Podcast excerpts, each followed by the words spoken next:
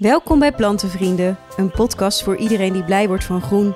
Ik ben Suzanne Streefland en deel bijzondere verhalen achter planten. Aflevering 49 met plantenvriend Gabrielle Veerman. Wat heb je met groen? Nou, ik heb alles met groen. Ik ben opgegroeid in een gezin waar uh, buiten zijn eigenlijk uh, toch wel een beetje standaard was. En uh, we werden overal mee naartoe genomen. Strand, bossen, wandelingen. Dus ja, zo ben ik eigenlijk een beetje opgegroeid. En verder heb ik altijd bij, als ik op kamers was, een, een tuin gehad. En ik heb nog maar heel kort boven gewoond, maar verder eigenlijk altijd groen om me heen gehad. Dus, en daarbij ik kom er tot rust. Ik vind het heerlijk om uh, gewoon in de tuin bezig te zijn en mijn gedachten te laten gaan. En ja, het is eigenlijk heel erg ontspannend. En gewoon lekker met je handen in de aarde te vroeten. Ja, maar ook, ja, maar ook wel genieten van mooie kleuren, van het groen, vooral van de lente. Zo dat zachte groen, het, ja, het ontluiken van, van al die bloemen, bomen. Ja, ik vind het echt heerlijk. Het is gewoon, het is gewoon mooi om te zien, maar het is ook, ja, heel, heel ontspannend. Dat, dat is het eigenlijk, voor mij is dat heel erg ontspannend. Ik heb een heel druk leven gehad met zwaar werk. En dat was voor mij dan een prima uh, ja, ontspanning, uitlaatklep om dat te doen. Want wat deed je? Uh, ik werkte in de vrouwenopvang als uh, begeleider. Ik ben ook nog teamleider geweest. dus wij begeleiden gezinnen die vanwege huiselijk geweld weg moesten en opgevangen moesten worden. Dus daar ben ik jaren mee actief geweest. En dan was die tuin eigenlijk echt een beetje een uitlaatklep? Ja, ja dat was een van de hobby's die ervoor zorgde dat ik ja, goed kon ontspannen. En ja, natuurlijk het zware werk gewoon uh, ja, achter me kon laten. En daardoor ook, denk ik, mijn werk ook beter kon doen. Om te zorgen dat je natuurlijk toch al die ja, heftige dingen die je meemaakt. nou ja, werk is natuurlijk sowieso een verantwoordelijkheid. Dat je dat een beetje achter je kan laten. Ja. En uh, je hebt hier nu in de buurt heb je een moestuin. Ja, klopt. Ja. En hoe ben je daarop gekomen?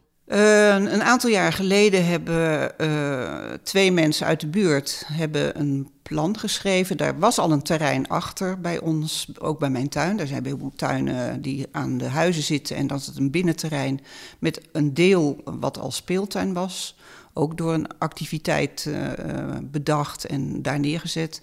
Maar er was ook nog een stuk braak liggend uh, terrein. Helemaal overwoekerd met uh, ja, rozen en bramen waar je eigenlijk niks mee kon doen. En twee mensen uit de buurt hebben het plan opgevat om daar een moestuin te beginnen. En hebben dus diverse mensen gevraagd, onder andere mij ook, omdat ze wisten dat ik daar toch wel heel ja, actief was in de tuin. En en dat plan dat is ja, uh, goedgekeurd door gemeenten, maar ook door de bewoners die daar bij het binnenterrein wonen, waar eigenlijk dat terrein van is. Dat is natuurlijk ook van een woningcorporatie en van eigenaren van huizen. En ja, zo zijn we begonnen. Dus we hebben dat stukje wat dus helemaal overwoekerd was, hebben we helemaal leeggetrokken en de rozen herplant, gebruikt. Die zijn er nog steeds. En uh, het plan was dan om met kinderen en mensen uit de buurt, niet alleen die daar omheen wonen, maar ook gewoon verderop in de straat, iedereen die daar zin in had, om daar dan gezamenlijk een soort moestuin te maken, waar je dus wat van leert, waar je van kan eten, met een ruimte eromheen omheen, waar je dus ook wat kan zitten, je kan picknicken en je kan dus dingen gebruiken uit die moestuin. En ja, om ook samen te zijn, samen te komen, dus ja, het is dus eigenlijk uh, een meerledig doel uh, geweest. En dat is nu zes, zeven jaar of zo dat we daarmee bezig zijn.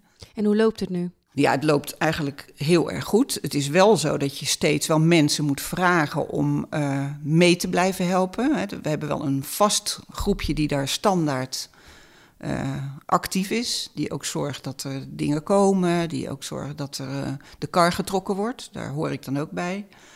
En het zijn er zo drie, vier mensen. En per activiteit uh, ja, roepen we dan wat mensen op. We hebben ook een app, een moestuin-app, waar een heleboel mensen bij uh, aangesloten zijn. Dus die weten wat er dan gebeurt, of dat er iets gaat komen.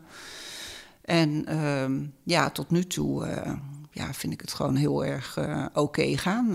het is soms ook heel veel werk. En dan denk je van oké, ik wil wat meer hulp. Maar ja, dat ligt een beetje aan onszelf. Dat moeten we gewoon blijven stimuleren. Mensen, uh, ja, uh, vinden het ook wel een beetje lastig om zomaar die tuin in te lopen. Er zit natuurlijk een hek voor, dus dat moet ook dan wel open zijn. maar goed, er zijn heel veel mensen die ja, die er iets van weten of die het leuk vinden of daar kruiden komen halen of ja, daar zitten op een bankje en dan als wij bezig zijn toch ook dingen komen vragen. En nou ja, zo leg je dus het contact, zeg maar. Ja, want wat heb je allemaal in de moestuin staan? Want ik zie hier nu voor mij zie ik de Oost-Indische kers staan. Ja, klopt. Ja, dat, dat is een van de eerste dingen die we daar ook zaaiden. Kijk, we hebben uh, in ieder geval altijd het idee gehad van niet alleen groenten en fruit, maar ook bloemen. Uh, dat is natuurlijk ook een hele goede combinatie, want uh, daarmee trek je natuurlijk ook insecten. Maar dat ziet er ook leuk uit, ook voor de mensen daaromheen, die ook al vanaf het begin af aan al zeiden van... goh, het is zo fijn dat, er, ja, dat het een beetje een leuke plek is geworden. Hè. Het was geen, dus geen woestenij meer van die bramen en die rozen... maar dat er gewoon echt iets te zien is... En ook dat het nog eens aantrekkelijk is, doordat er ook allemaal bloemen in staan. En uh, dat je ziet dat er ook uh, fruit groeit, of bonen en meloenen en pompoenen, et cetera. Dus nou ja, die Oost-Indische kers is er vanaf de eerste dag ingekomen. En die is eigenlijk niet meer uit te roeien. Oftewel, we moeten hem soms een beetje inbinden. Maar uh, ja, het is ook eetbaar. En dat maakt het dus ook heel erg leuk. Het, het, trekt luizen aan, luizen weg van de tuinbonen. Maar het is ook dat je het kan eten. Dus dat leggen we ook uit aan de mensen. Van, nou ja, je kan ook blaadjes plukken, die kan je in de sla doen. En die bloemen kan je eten. Het smaakt lekker. Dus dat is een beetje de rode draad. Want elk jaar komt hij vanzelf weer op, omdat hij zich uitzaait. En dan is het hele grote woestenij van Oost-Indische kers. En dan moeten we dat een beetje indammen. Nou ja, naast die Oost-Indische kers hebben we eigenlijk altijd bonen, sla, kool, eh, veel tomaten. Uh, eigenlijk dingen die je ook direct dan kan eten. Ook als je daar zou gaan zitten en je denkt van nou, ik ga een lekker uh, maaltje maken. Dan kan je dus die dingen plukken. En uh, nou ja, dat is natuurlijk hartstikke leuk als je daar rondloopt. Ook veel kruiden hebben we, allerlei soorten kruiden. En uh, ja, per jaar bekijken Mark, een van de mensen van de moestuin, en ik van goh, wat zullen we er neerzetten? Iets wat goed groeit, iets wat lekker eetbaar is, iets wat uh, er ook uh, leuk uitziet. En ja, dat bedenken we dan en dat is. Nou, dat doen we dan.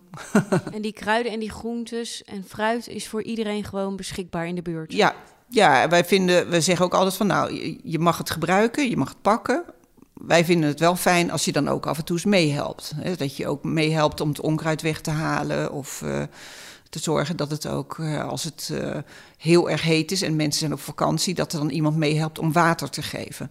Nou, niet alleen uh, het werk in de tuin, maar er zijn natuurlijk ook mensen die daaromheen wonen, die ook aanbieden van, nou, je mag van mij water pakken als het uh, te kort is, want we hebben daar een waterton neergezet en we krijgen via een stichting die daar zit water van het dak in de regenton, dus dat gebruiken we dan. En als we elektriciteit nodig hebben, dan kunnen we dat ook bij iemand halen. Als we iets moeten maaien of zo. Dus die buurt is dan wel een beetje betrokken. Maar ze mogen ook pakken. Ik, van de week zaten er ook een aantal ouderen die daar wonen. En die zaten op het bankje. Ik zei, en ik zei van, goh, willen jullie misschien laurier of uh, lekkere munt? Of, uh, nou ja, dat vonden ze eigenlijk wel heel erg leuk. Dus die kwamen ook om wat dingetjes te plukken en te eten. Ik zeg, nou ja, en als u dan op een gegeven moment wat nodig heeft... u kunt rustig met een schaartje komen. Ik zeg, maar ik zou het dan ook leuk vinden als u een keertje kon meehelpen... als u ons bezig ziet om dan mee te doen. Dus dat is dan wel ja, je kan plukken wat je wil, maar als het, als het op is, dan, uh, ja, dan zou je toch moeten wachten. En het is ook altijd leuk als mensen natuurlijk uh, toch ook een, een aandeel daarin hebben. Ja, en je hebt dus de Oost-Indische kers meegenomen. Die ga ik dan ook in de plantenbiep zetten. Ja. En waar hoop je dan dat die terechtkomt? Nou, ik hoop dat die vooral in een tuin terechtkomt waar die dan weer flink uitzaait. Zodat zij weer stekken krijgen en nog verder uitzaaien. Um, want nou ja, het, is, het is een hele makkelijke plant. Uh, het, is, uh, het heeft prachtige kleuren. Uh, ja, je krijgt er gewoon allerlei zaden van. En je kan er dus ook van alles mee doen. Wat ik net al zei, je kan het eten, die blaadjes en die bloemen. Maar die die zaden, als de, als de bloemen zijn uitgebloeid, komen er een soort zaden aan. Daar kan je een soort van uh, kappertjes van maken. Dus je kan ze inleggen in zout. En dus je kan er heel veel mee doen. En ik hoop dus dat mensen nou ja, daar ook naar op zoek gaan. Als ze zo'n plantje pakken en gaan nakijken van... goh, wat is het eigenlijk? Wat kan je ermee doen? En uh, dat het dan ook uh, op die manier weer verspreid wordt. En dat daar, nou ja, dus dat het in ieder geval in een tuin of op een balkon terechtkomt... waar die dan weer verder uitgezaaid wordt. Dus dat het steeds verder de wijk in gaat, zeg maar. En dat doen we natuurlijk ook met die, ja, met die geveltuintjes. Want we hebben hem al op verschillende plekken in geveltuintjes gezet. Of bij een boom. Zonder dat iemand dat weet. En dan hopen we het ook zo te verspreiden, zeg maar. Maar het, is, het grappige is, het is een plant die vanaf de eerste dag daar al groeit. En eigenlijk elk jaar weer terugkomt. En ja, nu ook daar in volle bloei staat. De plantenbieps die zijn te vinden op plantenvrienden.nl. En op Instagram deel ik de updates van alle stekjes die mijn gasten weggeven in deze podcast. Heb je zelf een verhaal te delen? Dan kan je dat mailen naar podcast.plantenvrienden.nl. Leuk dat je luisterde en tot de volgende aflevering.